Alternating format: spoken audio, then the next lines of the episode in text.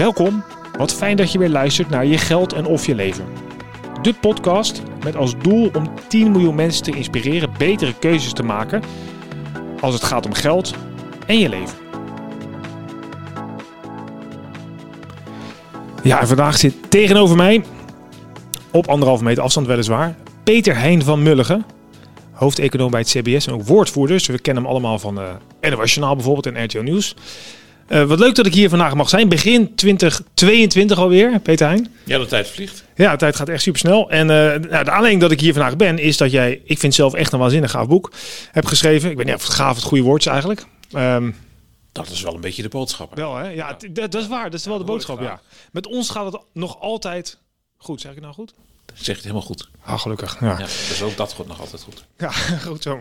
Ja, en ik vind het eigenlijk ook wel leuk om hier te zitten. Want dat vertelde ik jou toen we elkaar zagen bij ons op de meeste in november. Uh, mijn uh, hobby was vroeger toen ik klein was, tien denk ik, elf, was om de almanak, volgens mij heet hij zo. Heet hij zo dik, dikke pil van het CBS met alle cijfertjes. Ja, ja. Precies, dat is het statistisch zakboek heeft het, heeft het geheten, statistisch jaarboek. Jaarboek, die was het denk ik. Dat ja. was in de tijden van, uh, nou ja, uh, voor internet in ieder geval. Uh, ja. Computers had je wel, maar ja, dat waren natuurlijk allemaal standalones, hooguit een bedrijfsnetwerk.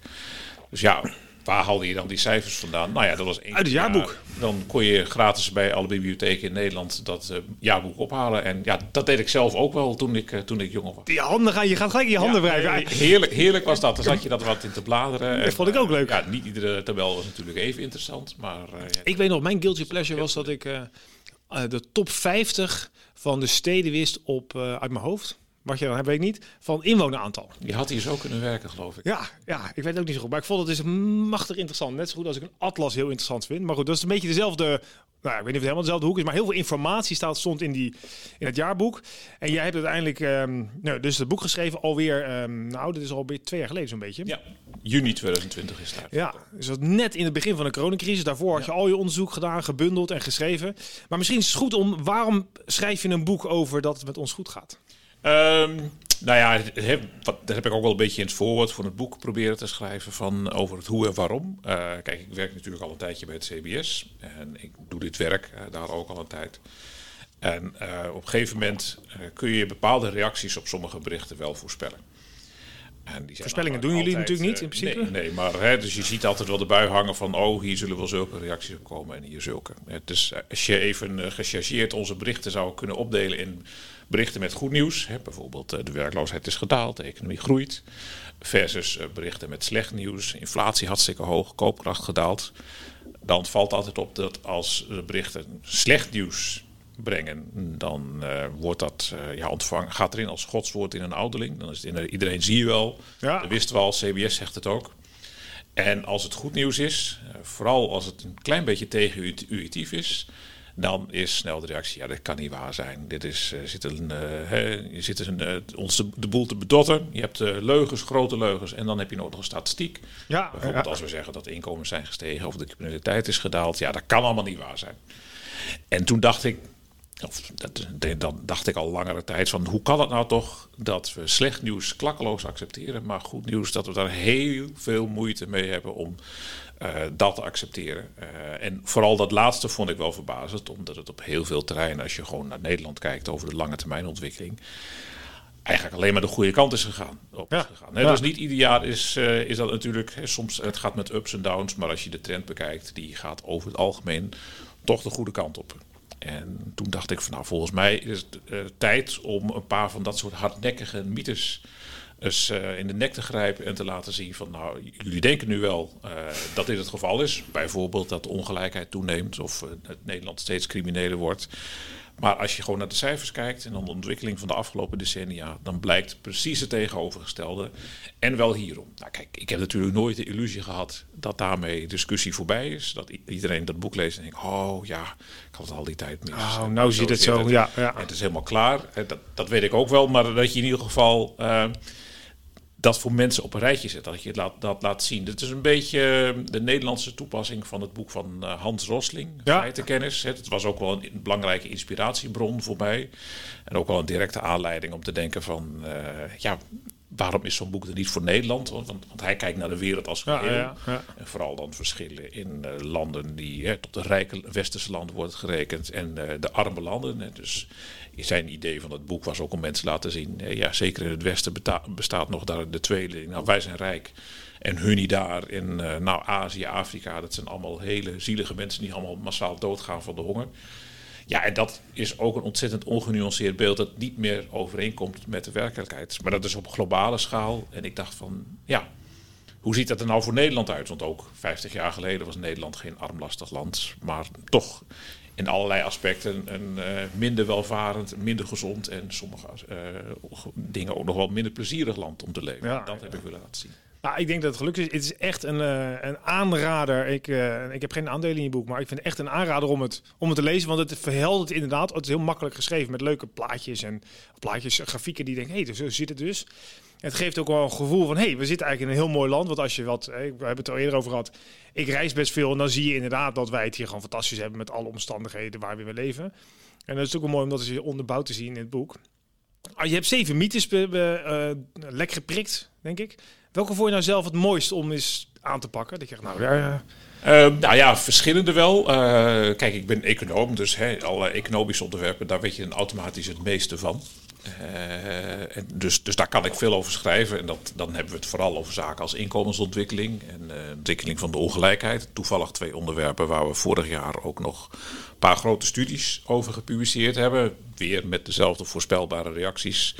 Het feit dat eh, Nederlanders afgelopen 50 jaar alleen maar rijker zijn geworden. Nou, dat dat was schoppen tegen het zere been. Want er waren toch heel veel mensen, ook mensen waarvan ik dacht, jij zou toch beter moeten weten, die daar eh, niets van wensen te geloven. Eh, en ook met ongelijkheid gaat hetzelfde. Het is ook al 30 jaar vrijwel constant armoede die afneemt. Nou, dat zijn eh, dingen waarvan ik denk, ja, dat moet ieder jaar weer opnieuw gezegd worden. Want mensen hebben de grootste moeite om eh, dat te geloven. Maar waar komt dat dan door? Is dat, is, eh, heb, je erbij, heb je daar een idee bij of een gevoel eh, of iets Ik denk, dat, ja, ik denk dat bij heel veel van dit soort ontwikkelingen, en dat gaat niet alleen over inkomens of armoede, maar ook andere zaken zoals de multiculturele samenleving of zaken als veiligheid, is dat mensen gefocust zijn op de dingen die nu niet goed gaan. En dat, daar vind ik op zich niks mis mee. Hè, want de- dus pas de dood in de pot als je achterover gaat leunen. Zo, nou, Nederland is af, er zal wel mooi Ja, ja, ja. strikje eromheen, niks meer aan doen. Dat, dat is Zo nooit- zijn wij ook niet als mensen eh, Nederland volgens mij. Nee, dus, hè, dus, dus eh, je moet, dat je altijd het, het, beter wil, dat lijkt me niks mis mee. Hè. Dat is ook de bron van, van alle vooruitgang. Maar omdat mensen daarop gefocust zijn, op de een of andere manier gaat dat samen met het idee van, ja, en vroeger was dat niet zo. Dus dat het nu slecht gaat in bepaalde aspecten, of in ieder geval slechter dan mensen willen. Dat lijkt soms haast automatisch te moeten betekenen dat het ook slechter gaat dan vroeger. Eh, dan kijk bijvoorbeeld naar armoede. Fenomeen als eh, voedselbanken, dat is toch heel erg. Ja, die had je vroeger niet. Dus vroeger had je veel minder armoede.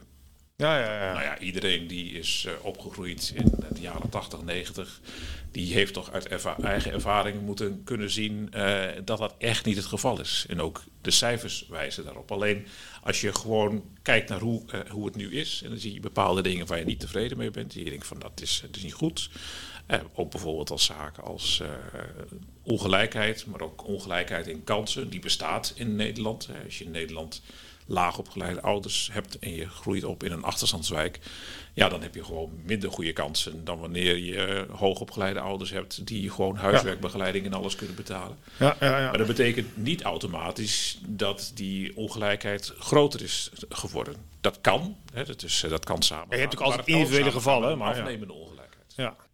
Ja, maar dat is toch interessant als je, en ik weet niet of dat nou, is het nog een generatiedingetje dat mensen een gevoel hebben dat de oudere generatie denkt, ja, maar vroeger was alles beter en de, eh, of weet je dat niet? Dat denk ik niet. Ik denk dat het de, menselijke aard is ook om. eh, hè, de, dit is ook natuurlijk een evolutionair proces. de dingen die niet goed zijn, eh, tot in het meest extreme geval levensbedreigende situaties, dat triggert meer je. Ja, ja, ja. We zijn banger voor verlies dan en winst. Dat is ook ja. logisch. Ja. Ik bedoel, eh, nou ja, goed, wat je zegt, loss aversion, de, de, de angst om iets te verliezen, is groter dan het plezier dat je krijgt van de mogelijkheid om iets Ja, eh, te winnen. Ja. En dat is, dat is ook de menselijke. En Is het een Nederlands ding? Want wij waren dus in, eh, vorige week in Disneyland. En ik zat me echt op te vreten over de, over de inefficiëntie van het proces van inchecken en hoe dat allemaal daar ging.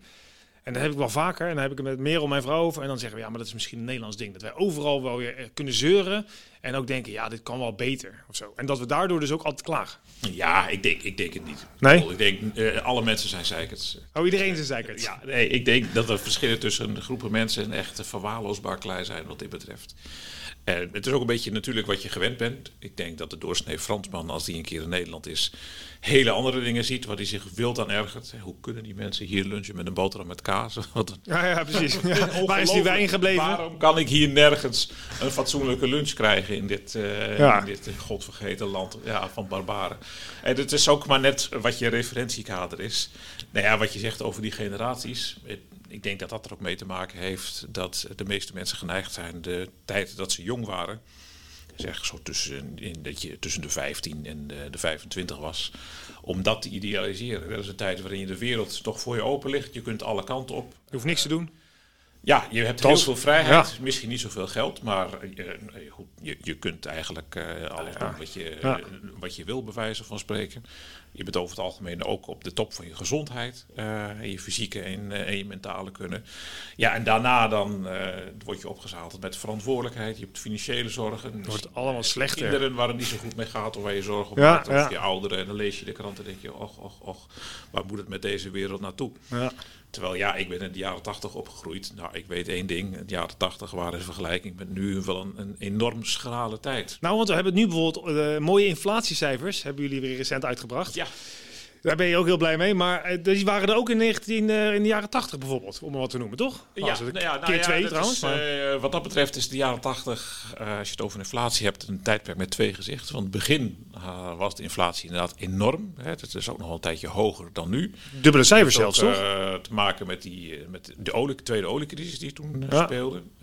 Ook de begin jaren 80 crashte de huizenmarkt totaal. Ja, dat zijn sommige luisteraars misschien vergeten, maar huizenprijzen kunnen ook dalen. Nou, dat hebben we begin jaren 80 eh, gemerkt. Dat ging in een paar jaar echt met tientallen procenten.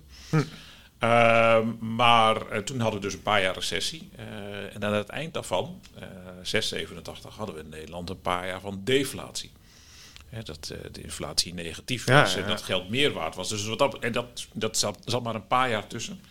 Dat kan Dus, snel dat verkeren. betreft was eh, de jaren 80 een hele spannende tijd, denk ik. Ja, dat geloof ik ook wel, ja. ja, Nou, dit, veel mensen vinden het nu ook alweer spannend. Maar goed, dat, we dwalen misschien af. Als we terug, ja, als we terug gaan naar het boek, wat ik zelf wel mooi vond, is eh, over criminaliteit. Het is ook iets waar, we het, eh, waar het vooral heel erg over gevoel gaat. Ja, En dat eh, hou je ook aan in het boek.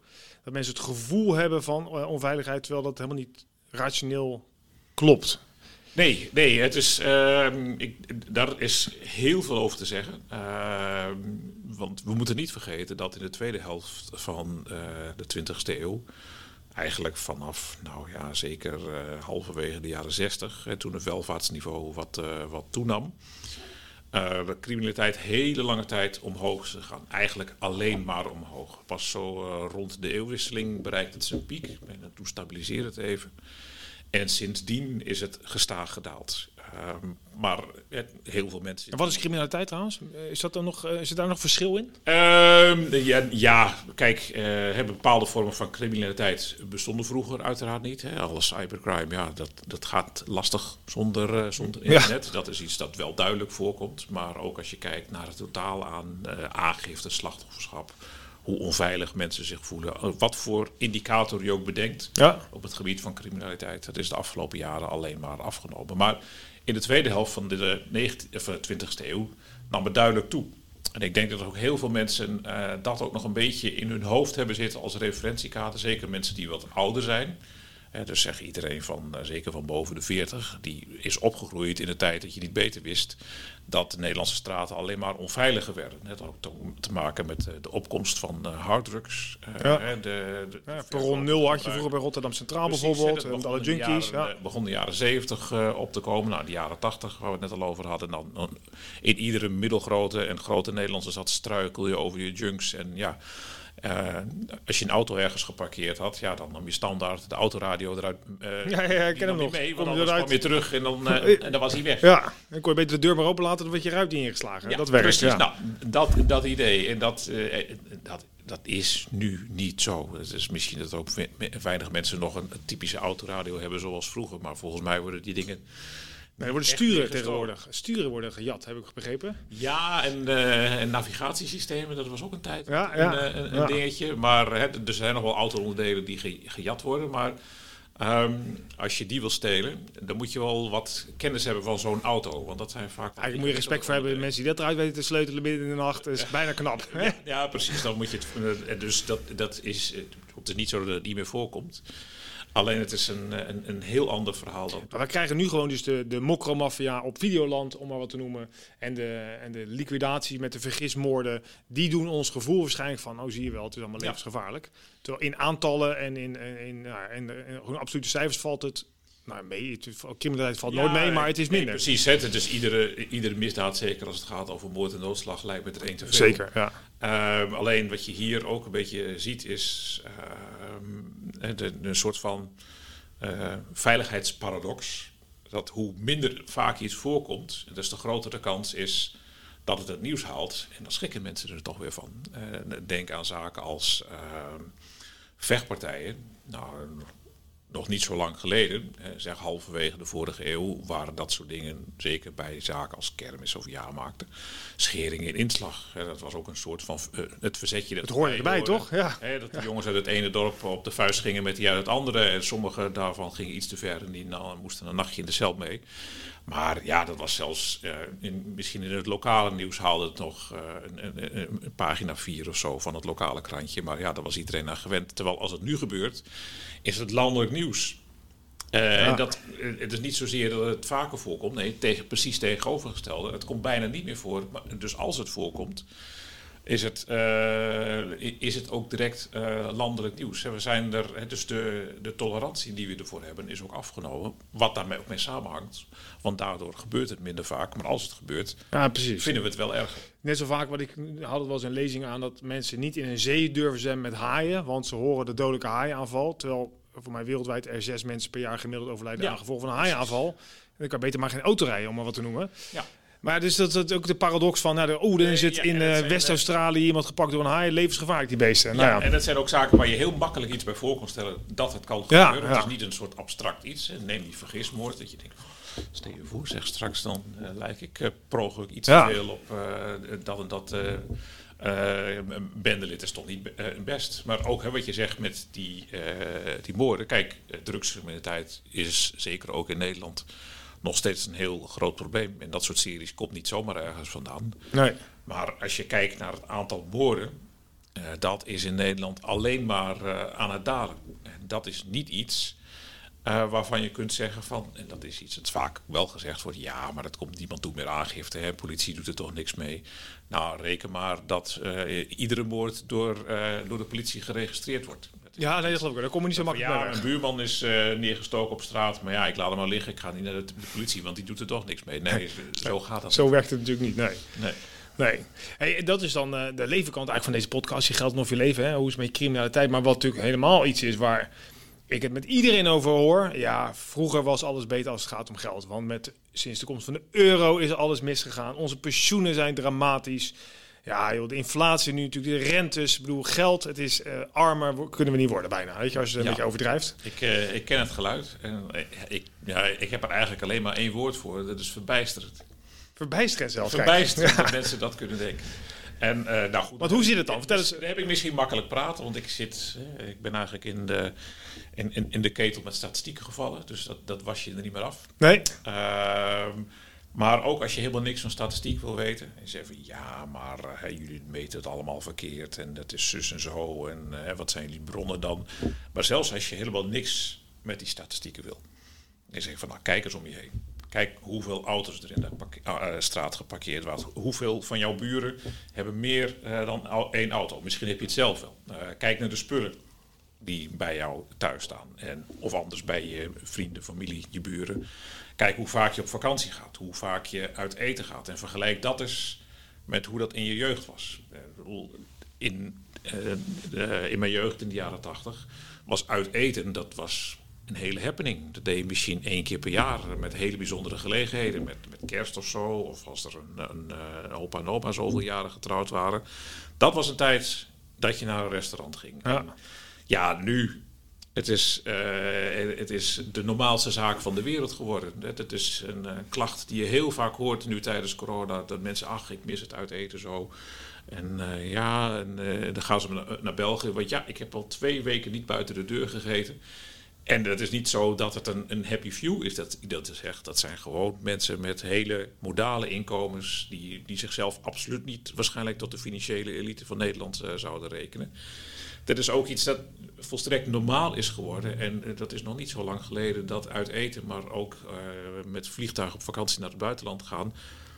Volstrekt abnormaal was. Dat Ja, was alleen ja. weggelegd voor een paar mensen met de allerhoogste inkomens. Hè. Sommige mensen kenden u zelfs wel iemand die ooit eens een keer in zijn leven gevlogen had. Ja, ja, precies. Ja, die ja, gaat nu vliegen. is dat-. Nu is dat ontzettend normaal. De dingen die wij, eh, waar we ons geld aan uitgeven en dat nauwelijks meer als een luxe ervaren, maar als volstrekt normaal zien, dat was nog niet zo heel erg lang geleden. Maar is dit ook, Absoluut dit is ook een soort normaal. van vorm van inflatie? Een gevoelsinflatie Ja. in de zin van eh, gewenning. Zaken die voorheen als een luxe werden gezien, ja, dat is nu eigenlijk een meer, verworven mensenrecht. En als je dat niet kunt, als je daar geen geld meer hebt, van oei, oei, dan is het toch wel heel erg slecht met je ges- gesteld.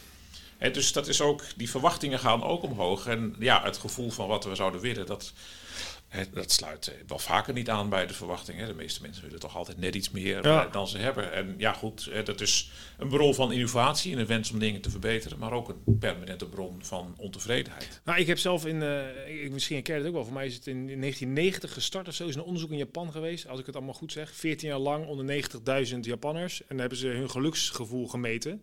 Aan de hand van de collega's met wie ze in het team zaten.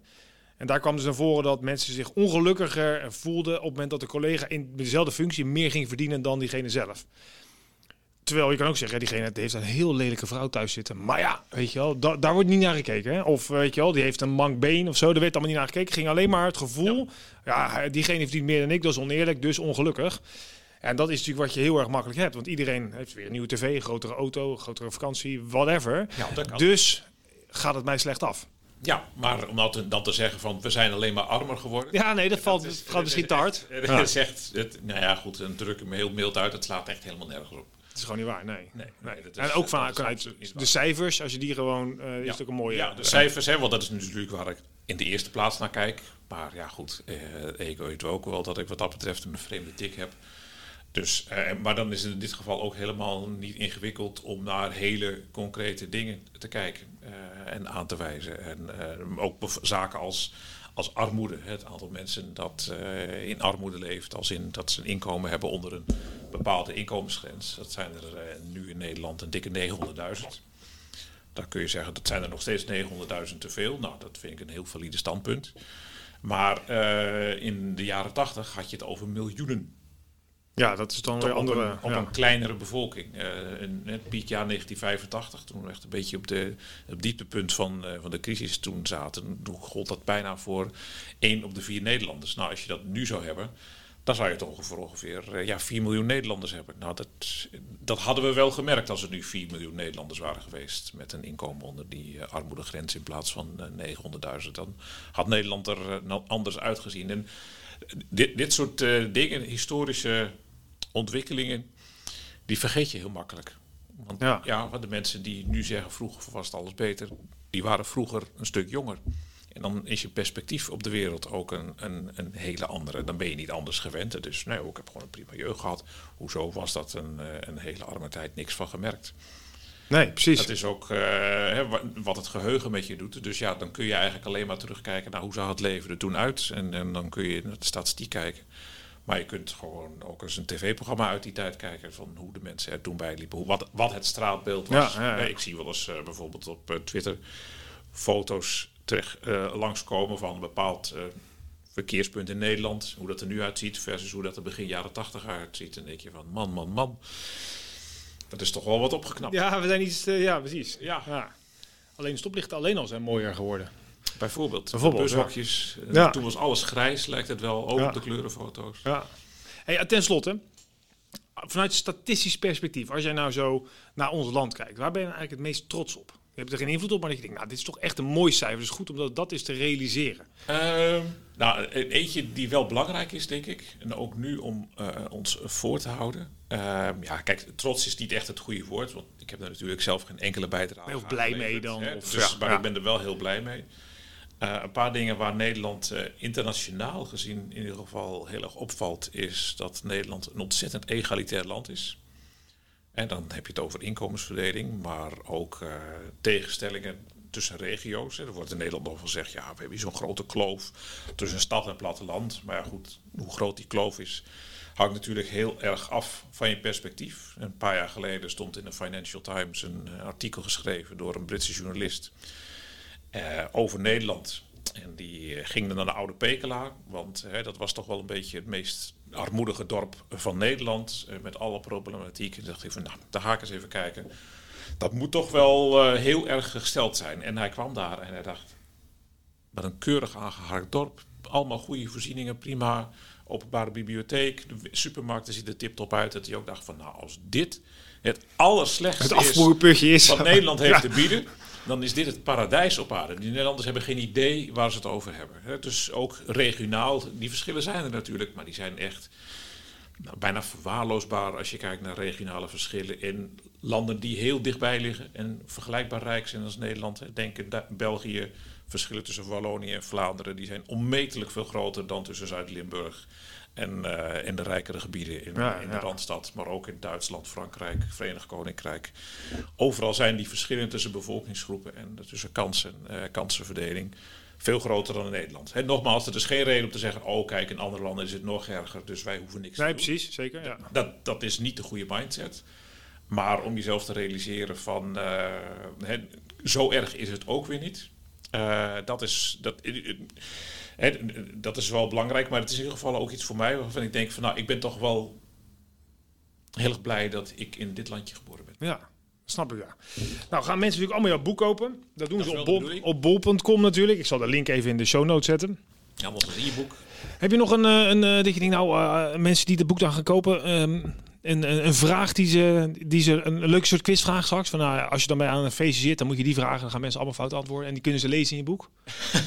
Jeetje. Ja. Ja, er zijn er zoveel natuurlijk. Eh, nou ja, we hebben het natuurlijk over, over, over armoede gehad. Eh, maar ook zaken als eh, criminaliteit, multiculturele samenleving. Daar hebben we het niet echt over gehad. Maar hey, dat, omdat ik, ik ben econoom, dus daarvan weet ik niet heel veel meer dan de gemiddelde krantenlezer. Maar als je dan wat in dat soort cijfers gaat duiken, dan denk je, ja, dat debat dat nu nog steeds wel gevoerd wordt, dat lijkt net of dat debat compleet heeft gemist dat we inmiddels 20 jaar verder zijn sinds eh, de, de aanslag op de Twin Towers. hè. Ja. De essay van eh, Paul eh, Scheffer van toen, het multiculturele drama. Ja, ja, precies. En Nederland ziet er ook wat dat betreft totaal anders uit. En heel veel mensen hebben daarom nog steeds het idee van ja, hè, dat, is, eh, dat wordt dan nooit wat met die eh, integratie van eh, al, die, al die moslims in Nederland. Dat is allemaal al gebeurd. Valt allemaal reuze mee. Ja. Nou, laten we afsluiten met dat het een mooi 2022 wordt. Jullie doen geen voorspellingen, maar ik gun het iedereen wel, ook voor als je luistert. Onwijs bedankt dat ik hier mag zijn. Nou, ik vond het fijn om je te hebben. Ja, en eh, eh, eh, koop het boek. Ehm, nogmaals, in de show note en op mijn website zet ik het ook. eh michielvanvugt.com, V-U-G-T. En nou, heb je nou vragen? Laat het vooral weten. Ik wens je heel veel plezier. Oh ja, en waardeer deze podcast natuurlijk overal. Want dan kunnen we samen 10 miljoen mensen bereiken. Zodat we die inspireren een beetje om betere keuzes te maken voor de rest van hun eigen leven. En dat van anderen. Nou, als dat geen reden is om het te waarderen, zou ik het gewoon niet meer weten. Tot ziens, bedankt. Hoi.